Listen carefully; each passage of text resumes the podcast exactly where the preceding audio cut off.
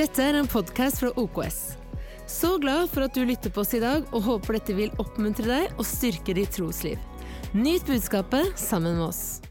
Men eh, du skjønner, jeg hadde en lengsel allerede fra jeg begynte å lese Bibelen. For jeg fikk en bibel, og jeg begynte å lese den. Og da var jeg så nysgjerrig på det som sto at disse tegn skal følge dem som tror. I mitt navn skal drive ut onde ånder, de skal legge hendene på syke, og de blir friske osv. Så, sånn. så jeg, jeg syns Markus 16 der var liksom en skikkelig utfordring for meg. Fordi nemlig jeg fikk ikke svar på det jeg spurte om. For jeg spurte både søndagsskolelæreren og jeg spurte en emissær på leir om det samme. Men fikk ikke noe ordentlig svar. vet du. For jeg sa da at hva kommer det av, sa jeg. At ingen av de tegnene som vi leser om i Markus 16, skjer her hos oss. sa jeg. Hvorfor ikke det? Altså, Ikke taler vi i tunger, ikke driver vi ut onde ånder, og ikke helbreder vi syke. og i hele tatt, Vi gjør ikke noe av det. Det kunne jo vært ett tegn, sa. Kunne vært ett tegn, liksom. Så hadde det i hvert fall vært et lite tegn, for vi er vel troende, sa jeg. Disse tegn skal følge dem som tror. Så hvis jeg er troende, så, så vil jo noe av tegnene følge oss, liksom. Og jeg er veldig glad for å være, si, hoppe over det som jeg Jeg fikk ikke noe ordentlig svar. Sånn, de folka har ikke tid å prate, jeg må ikke bruke, bruke tid på det. Men det som er fantastisk, jeg er glad at en dag så ble jeg virkelig introdusert til hva pinse er for noe. Dette er min personlige versjon. Vi var egentlig, hadde vært på tur på Sørlandet, og så, videre, sånn, og så er vi på noen møter i, i Setesdal. Av alle steder på jord. Og, og, der er en predikant vet du, som er annerledes enn de predikantene jeg hadde hørt før. Jeg hadde så vidt hørt han før, men ikke på den måten som Så jeg skjønte, han har noe. Det er et eller annet med han som, eh, som uh, vi trenger å få tak i. Så vi spurte han, jeg var der sammen med kameraten min, så jeg spurte han etter møtet om kvelden hvor har du din myndighet fra. sa vi. Det, sånn, det hørtes veldig merkelig ut, men vi sa hvor har du din myndighet fra. Og du skjønner, Da var han klok nok til å ikke svare der og nå og liksom begynne å legge ut om sin myndighet. Han sa bare nei, det er ikke noe du tar av deg sjøl, det er noe Gud gir deg. Det var, men jeg skjønte det er ikke hele svaret. Han har noe mer å si om det enn akkurat det. Og vi var på møtene der og sang, vi da, jeg og kameraten min. Og eh, ja, Det er et annet uh, kapittel. Men så neste dagen, for vi bodde i en campingleir, og han kommer ut setter seg ned utenfor teltet og sier 'Nå skal jeg synge en sang for dere', sa han. For det spurte meg i går kveld hvor har jeg min myndighet fra. Og jeg skal svare på det, sa han. Og så begynte han å synge den sangen at hvor den kommer til, brenner pinsens ild. Sjeler får hva Jesus lovet gi. Kraften alle får, som det skrevet står, når Den hellige ånden på dem faller. Og så er det som i fordums dager, Herren er den samme igjen. Eh, virker ved sin gode hellige ånd. Nådegaver gives, syke helbred får igjen. Sjeler frelses der hvor ånden faller. At, og, og det, det, fine var at et av versene var sånn Mange ynder møter, men forkaster ånd og ild. Der vi var i min sammenheng. Vi, vi, vi, tenkte det er farlige greier. Hør svermerne til, tenkte vi. Men saken er nemlig sånn at uh, mange ynder møter med forkaster ånd og ild. Nådegaver er en saga blått. Mener at det hele hører fordums dager til. Derfor ånden aldri på dem faller. Men hvor den kommer til, brenner pinsesild. Halleluja. Så det er viktig Hellige ånd kommer til. vet du. Halleluja. Og det gjorde jo at han fortalte, når han la gitaren, så sa han det. Du skjønner det dere spurte meg hvor jeg har min myndighet fra. Du skjønner, Jeg har opplevd det der som pinsevennene, for han var ikke han var en helt annen setting. Jeg har opplevd det der som pinsevennene kaller åndens dåp. Sånn. Og det er det du merker når du lurer på hva er det med deg. liksom. Jo, det er det at jeg fikk, eh, når jeg hadde møte her i går kveld For jeg hadde et veldig kraftig møte kvelden før. vet du, Jeg skal straks begynne å preke og skal kjenne bli kraftig møte her òg. Men saken var at han hadde et veldig kraftig møte. Og vi spurte han etter møtet hvor har du myndighet fra. Og så sier han hvis du lurer på hvorfor det var et kraftig møte i går kveld, sånn, så er det fordi når jeg ble fylt med Hellig Ånd, så begynte jeg å tale tunger, og jeg begynte å be til Gud på en ny måte. Og det gjorde bl.a. at før møtet i går du, så har jeg hatt god tid til å gå opp i skogen her, for det var sånn leir ute i friluft. Og jeg har gått i skogen og talt i tunger og gjort meg klar. vet du. Så, så når møtet kommer i, i går kveld, så er, det, så er, det, full pakke. holdt jeg på å si. Det var, sa ikke han, det er jeg som sier det. Han hadde virkelig noe å gi. Jeg er glad for å fortelle deg at det, da hadde jeg to stikkord. Det ene er pinsevenner. Han sa det at eh, jeg har det som pinsevennene kaller for åndens dåp. Og så uh, sa han at uh, Eh, han hadde opplevd det, av at han talte i tunger og alt det der. Og du skjønner, det gjorde at da var jeg nysgjerrig. Jeg, for jeg skulle den høsten begynne på lærerskolen på Halden. For jeg hadde eh, fått beskjed fra Herren om det, at jeg skulle bli lærer. vet du. Jeg dro til, salen, nei, jeg dro til Halden og begynte på lærerskolen. Og saken er nemlig at når vi kom til Halden, den første dagen møter jeg lillemor. Det er viktig. vet du. Første dagen på lærerskolen så møtte jeg Lillemor. Sier ikke det ble kjærlighet ved første blikk, og sånn, men jeg bare sier at jeg traff henne første gangen. Og det veldig festlig var det at um, neste jeg var, fant ut, da fant jeg pinsevenner, for hun var pinsevenner. Så, så, jeg kunne bare følge henne inn i den forsamlingen. Og det herlige er at derfor jeg vitner jeg og sier at den 29. januar 1970, kvart over ni på kvelden, i 20 grader kaldt, i og under åpen himmel, bak Frikirken i Halden, så ble jeg fylt med Den hellige ånd. Det er ikke viktig å vite sted, eller noe sånt, men det er fantastisk at da ble jeg fylt med Hellig ånd, begynte å tale med tunger og begynte å oppleve også alt det andre som hører vi i pakka. For det, vet er ikke tungetale det handler om. Det handler om kraft. Det skal få kraft i Den hellige ånd kommer over dere, og det skal være mine vitner. Så jeg kjenner fra den dagen så skjedde noe som gjorde at jeg ble en frimodig kristen.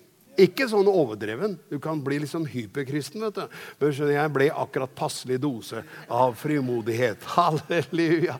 Ja, det, det, er dine ord, sier du. Ja, ok. Men det var mine ord siden jeg, siden jeg har ordet. Ok.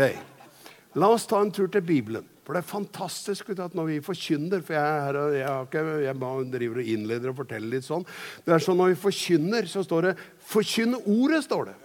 Så det er viktig å forkynne Guds ord. Vet du. Så det er viktig å få tak i at hvis vi skal preke noe, så må jeg preke ordet. Og jeg har til og med et såkalt prekenutkast, men det, jeg vet ikke åssen det går. Men jeg skal dele med deg noe herlig som har med Guds ord å gjøre. Og hvis du vil ha en overskrift på det jeg skal snakke om, så er det 'kraftig kost om nåden' er overskriften. Vi skjønner, vi har prekt mye nåde i den forsamlingen. her, forbinder også som nådeforsamling. Men jeg skal gi det litt kraftig kost når det gjelder nåden. For skjønner, Det står en del ting i Bibelen om nåden som kanskje folk ikke fullt ut har skjønt, og som tenker at de liksom misforstår det når vi snakker om nåde. Og de sier hvis det er nåde, kan du gjøre som du vil og leve som du vil, og nåden gir full frihet. Nei, det gjør ikke det. vet du. Nåden tar deg i nakken. Vi må lese noen bibelvers her som hjelper deg. Men jeg driver bare, jeg driver og åpner. Da. Bare sånn at eh, jeg må sjekke at det går bra med deg der ute. liksom. Ja, det kan være folk som er her på møter som aldri har hørt meg før, og det må jo være et uh, virkelig tap her i livet. det er klart. Men, men, men det er klart at det også er folk her som, som kanskje da er lenge siden hørt en sånn frittgående predikant som jeg er. Og det herlige er vet, at det er bare av og til at du skal få slippe, at du skal komme inn i den situasjonen at jeg preker, og du sitter der. Så feel free, feel fine.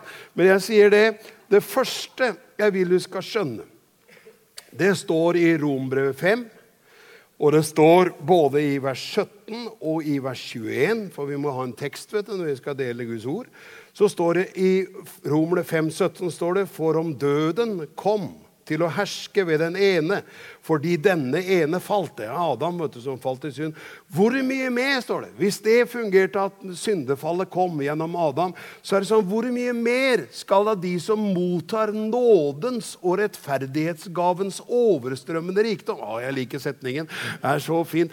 Nådens og rettferdighetsgavens overstrømmende rikdom. Den må du liksom tygge ordentlig på. Få tak i nådens og rettferdighetsgavens overstrømmende rikdom. Skal leve og herske ved den ene Jesus Kristus. Jesus Kristus fører oss inn i noe når vi får tak i nåden og vi får tak i rettferdighetsgaven, for det er den gaven som blir gitt på korset. Det er sånn at Vi er blitt rettferdige ved Han, ved Hans død og oppstandelse. Og så kan vi få del i nådens og rettferdighetsgavens overstrømmende rikdom. Jeg kunne preke meg helt vekk på det i dag. vet du. Altså, Det er en rikdom i nåden og rettferdighetsgaven som gjør at det tar av. vet du. Det er overstrømmende rikdom. Halleluja, sier jeg da. Det betyr halleluja på mitt opprinnelige språk. Hør her. Jeg må lese litt mer for deg. skjønner jeg, Forkynn ordet, så jeg må vise deg et ord i vers 21. her i Romle 5. Og I vers 21 så står det sånn.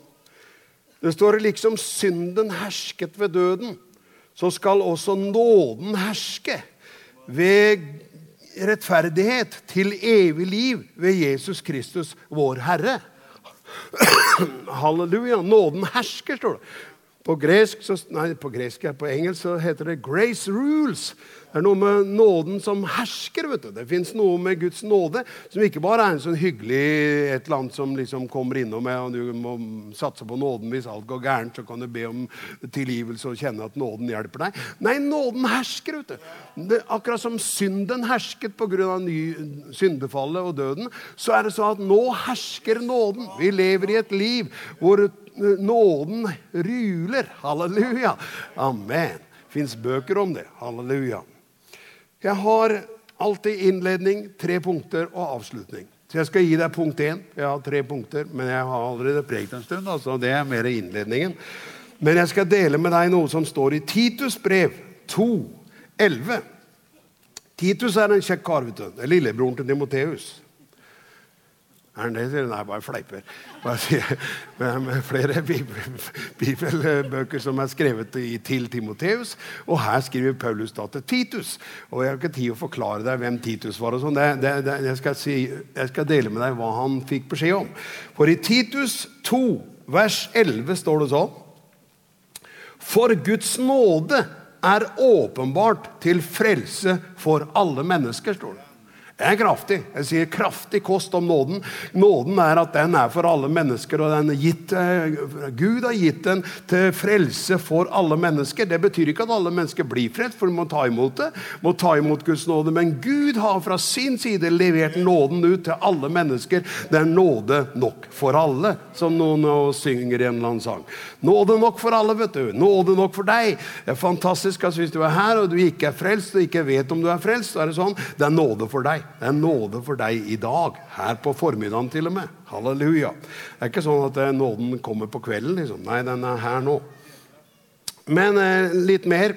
Du vet, eh, Efeserbrevet 2 er, jeg, jeg, sa at om to, noen taler taler som Guds ord, så i Efeserbrevet 2 så står det sånn i vers 8-10 Heng på, det kommer.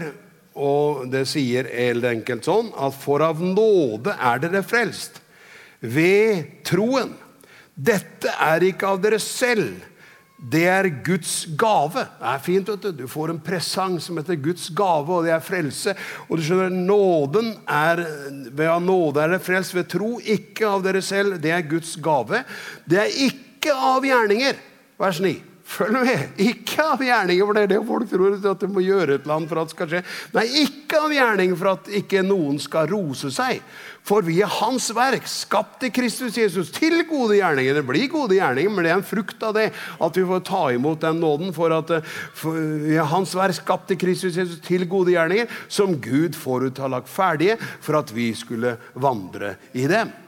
Kunne, vi, vi, kunne havne der i vers 10 og virke og kose oss der. Jeg bare sier Det Det er nåde til å leve og vandre. Han har lagt gjerningene ferdig for at vi skal vandre i dem. vet du. Og Det gjør jo at det med Guds ledelse er ganske interessant. Du må finne at det ligger et løype og venter på deg. vet du. Halleluja! Hva rikt liv vi har fått leve. Av alle steder og rundt omkring. Men du skjønner det er fordi Gud har leda. Jeg sier ikke at jeg alltid har vært i ledelsen, men det fine er at når du ikke er i ledelsen, så kan du få justere kursen. vet du. Og eh, vi opplevde f.eks. det at, at eh, Gud han eh, leda oss til Amerika på bibelskole der. Og mens vi var der på bibelskole, du, så justerer han kursen min kraftig. Og det var nåden som gjorde det. Jeg skal forklare deg det. Jeg skal fortelle deg det. At jeg er over i punkt to, egentlig, selv om jeg er ikke er ferdig med punkt én. Men, men punkt to er sånn at nåden oppdrar oss. Det å skjønne at nåden er ikke bare sånn som sier at 'hei, du er en snill gutt'. liksom. Nei da. Hvis du er slem gutt, så får du beskjed om det. Nåden oppdrar oss. skjønner du. Han tar deg i kraven, og han tar deg i nakken. Ikke på en slem måte, ikke sånn at han ønsker å plage deg, men nåden oppdrar deg. vet du. Og det for, for Bibelen forteller også om i Hebreerbrevet 12 det skal ikke ta det nå, men jeg tar det senere, om at eh, foreldre oppdrar sine barn. Og så sier det at han som er åndenes far, nemlig Gud, han oppdrar oss. Han opptukter oss, står det til og med.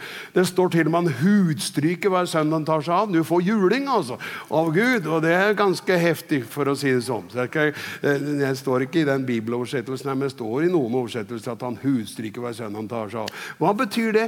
Jo, det betyr du, at hvis du er på feil kurs, hvis du er ute å kjøre i negativ forstand, og du har kommet ut av kurs, så er han så god at i sin nåde som oppdrar han deg. Det er nåden som oppdrar deg. vet du. Det er, ikke, det, er annen, det er, ikke, loven som oppdrar deg, det er nåden som oppdrar deg til å leve hellig og gudfryktig og rettferdig.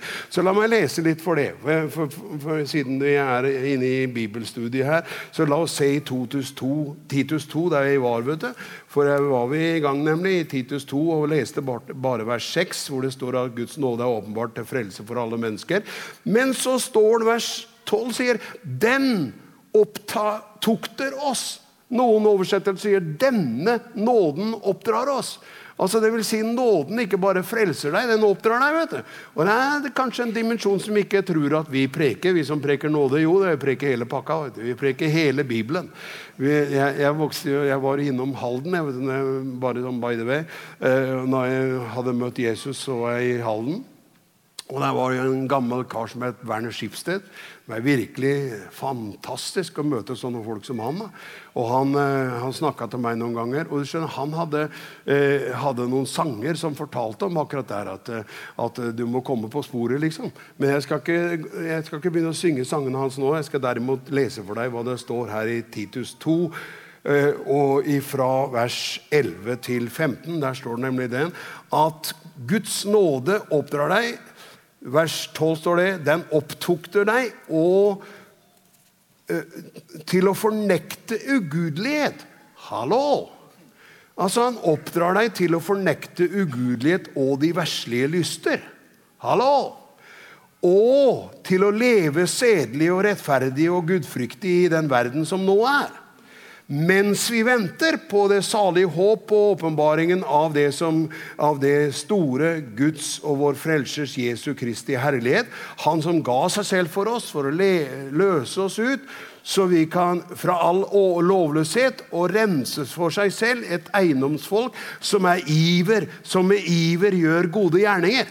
Halleluja! Skjønner du? Helligånd, nåden får skikk på deg. vet du. Får deg på sporet. Hvis du er ute og kjører, så får han deg på sporet. Halleluja! For han vil du skal komme på sporet. Han vil du skal kjenne at eh, Ja, det var bare en papirer som fyker. Hør her.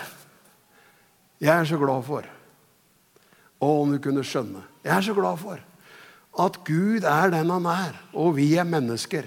Og skjønner Det står at eh, de ydmyke får nåde. står det. Gud står de stolte imot, men de ydmyke får, det, får, nåde. Så det gjelder å være ydmyk nok til at Gud får lov til å nå gjennom til deg. Så når vi dro til Amerika du, i 1984-85, så husker jeg et møte da på Victory Christian Center hvor vi gikk. Og Der var Reinhard Bonke og der var også Ray McCauley og prekte. og Det var en sånn konferanse som de hadde på mandag, tirsdag, onsdag. Og sånn. Og i et av de møtene så tar Helligånd tak i meg. Jeg sier ikke at det er sånn det skjer, jeg bare vitner. Skjønner du det? Forteller opplevelser fra mitt liv. Og skjønner, Der og da så får jeg så juling at uh, gutta mine de skjønte ikke hva skjer med pappa nå. For de var ikke vant til at jeg gråt. vet du. Jeg ler heller enn å gråte. ikke sant? Uh, og, fryder meg. Men, men, der og da så kjente jeg jeg sprakk fullstendig og bare gråt. Vet du hvorfor det? Jo, for Helligånd tok meg i kraven. vet du. Og han var streng. Ja, Er han det, sier du? Er han ikke bare god? Han smiler. Gud smiler hele tiden. Nei, det er veldig bra at av og til trenger du å få litt juling. vet Du Du trenger å få litt, uh, litt oppdragelse. Så Helligånd kommer og sier til meg at her sitter dere hjemme på berget, sier han. Og jeg vet hvilket berg han mente. Han mente det berget som danskene kasta i havet, og så ble Norge til. ikke sant? Eh, de, sa, de løfta, sa at fjellet løfta av og kasta i havet, og så ble Norge til. vet du. For, for i Danmark er det noe fjell, ikke noe fjell igjen. De har noe de kaller Himmelbjerget, men det er bare en ås. Så, så, så, De har så stor tro i Danmark at de flytta fjellet til Norge. Og vi, vi, vi, bor her på det fjellet. vet du. Vi bor på berget. Jeg prøver bare å være litt morsom, men jeg, jeg, jeg, jeg, kommer egentlig ikke igjen på det. Jeg sier nemlig det, for jeg tenkte det er ikke en alvorlig del av prekenen. Nei, det er en kreft, kraftig del. Ikke bare alvorlig, det er en kraftig del. Kraftig kost om nåde. Hør her, Nåden er sånn at han sa til meg Her sitter dere hjemme på berget, sa han. Og han ikke bare sa det sånn pent, for vanligvis når Helligånd snakker til meg, så snakker han stille og rolig og pent. Han vet at jeg er en uh, forsiktig kar. og selv om jeg har opplevd mange tiltaler fra Den hellige ånd, så er det sånn at han, den i det møtet er så ropte han var kraftig. Han ropte, altså. Ja, ropte han, sier du. Ja, altså, jeg skjønte jo at de rundt meg ikke hørte det. Jeg skjønte at det var jeg som opplevde det på innsiden. Men Helligånd ropte til meg og sa det. 'Her sitter det hjemme på berget', sa han. Han var liksom bøs når han sa det.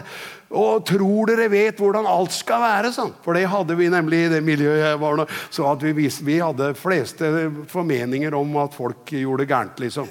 Så jeg husker jeg hadde sa han om Jon Gesho, han gjør feil på det. Og Heigen han gjør feil på det. Og alle gjør feil, liksom. Og så sier Helligånd til meg at her sitter dere på berget og tror dere vet hvordan alt skal være. sånn. Men eh, toget går, sa han. Toget går. Og Jeg skjønte hva han mente. Han fortalte, for da hadde nemlig Ray McCauley vitna om det de hadde starta den menigheten Rema i Sør-Afrika, i Johannesburg osv. Så, videre, sånn.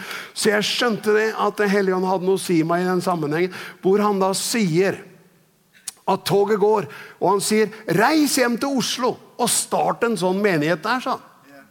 Så du sitter i en menighet der, vet du, som er Gud var bøs, derfor sank den menigheten her.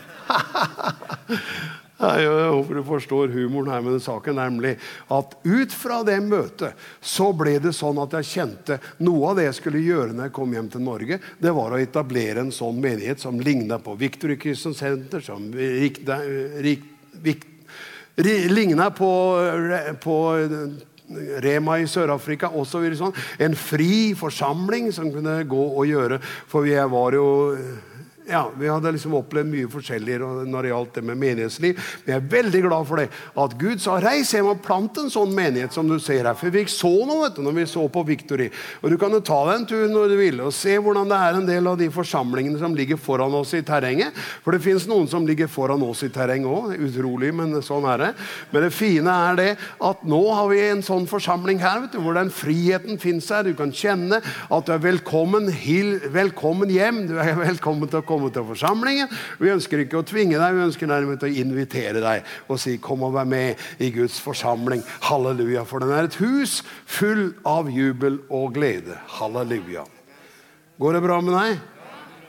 Jeg har det greit her oppe, men jeg skjønner det at jeg, jeg liksom samtidig jeg må ha deg med på lasset. La oss gå til Titus 3 òg. For det er fantastisk hvordan Titus, han, lillebroren til Timoteus, han får beskjed. da. I tredje kapittel så står det det. Og fra vers 4 til 8 så står det sånn. Men av Guds, vår frelsers, godhet og kjærlighet til menneskene ble åpenbart. Ja, Gud er god. Han ville åpenbare sin godhet. Så frelste han oss. Ikke pga. rettferdige gjerninger som vi hadde gjort, men etter sin miskunn, ved badet til gjenfødelse og fornyelse ved Den hellige ånd, som han rikelig har utøst over oss ved, Guds, ved Jesus Kristus, vår frelser. Og da, da, tenkte du der stopper det. Nei, det stopper ikke der. vet Du Du ser hvordan Titus da fortsetter å få beskjed om ting han ikke skal gjøre, og ting han skal gjøre. Og Gud forklarer han det. Det fins folk som, som, lurer andre, og det, det, det fins uh, eh, forskjellige ting som skjer. Så du ser på slutten av Titus, vet du, ser du i slutten av Titus 3. Men jeg hadde ikke tenkt å ta med det, men nå er jeg innom, så jeg må jo må jo fullføre løpet. For han sier nemlig det at fra vers 9 sier han men tåpelige stridsspørsmål, stridsspørsmål og ettertavler og stridigheter om spørsmål i loven skal du vise fra deg, for de er unyttige og meningsløse. Et menneske som farer med vranglære, skal du vise fra deg etter, etter at blitt, han har blitt formant én eller to ganger til. Halleluja. Du skjønner, Det fins folk som går feil, og dem skal du hjelpe på sporet, men det er viktig å skjønne også at Gud i sin godhet han vil, han har allerede øst ut over oss et bad i Den hellige ånd. Og Derfor sier han det at ikke heng på alt mulig som går rundt omkring. Ikke følg alle læresetninger som kommer. Ikke, ikke hør på alt som sies, liksom. Nei, kjenn det at Guds ord er sannhet. Og Gud viser vei gjennom sitt ord og gjennom tjenere som har reist opp i forsamlingen. Og det var ikke meningen å si alt til dem. Nå har jeg alt sagt det. Halleluja. Hør her. Du vet, Hvis vi tar en tur tilbake til Hebrebrevet For det er et veldig heftig brev. Er du åpen for litt undervisning til? Eller har jeg prekt for lenge? Jeg er åpen for det hvis jeg har prekt for lenge, men jeg syns aldri jeg har prekt for lenge. Jeg bruker, bruker, å ha med lillemor på møte som klokker. ikke sant? Så jeg bruker av og til å spørre henne hvor lenge jeg har på nå, hvor lenge tid har jeg igjen, og, Så sånn. Og hun har alltid svaret klart. Ja, du har prekt i 27 minutter, liksom. Eh, og, så du har litt igjen før du kan slutte. Men i dag er ikke lillemor med her. vet du. Så, så, og du sier var det hensikten med å la henne bli hjemme? Nei, det var hun som ville bli hjemme av forskjellige andre grunner. Halleluja. Det ligger en pastill nede i der for dem som gjerne vil ha den. Halleluja. Det er noe av showet som du får. Det hører med til showet. Men hør her hva det står i Hebrevbrevet 12. Dette er kraftig. Jeg snakker om kraftig kost om nåden. Det er det jeg snakker om.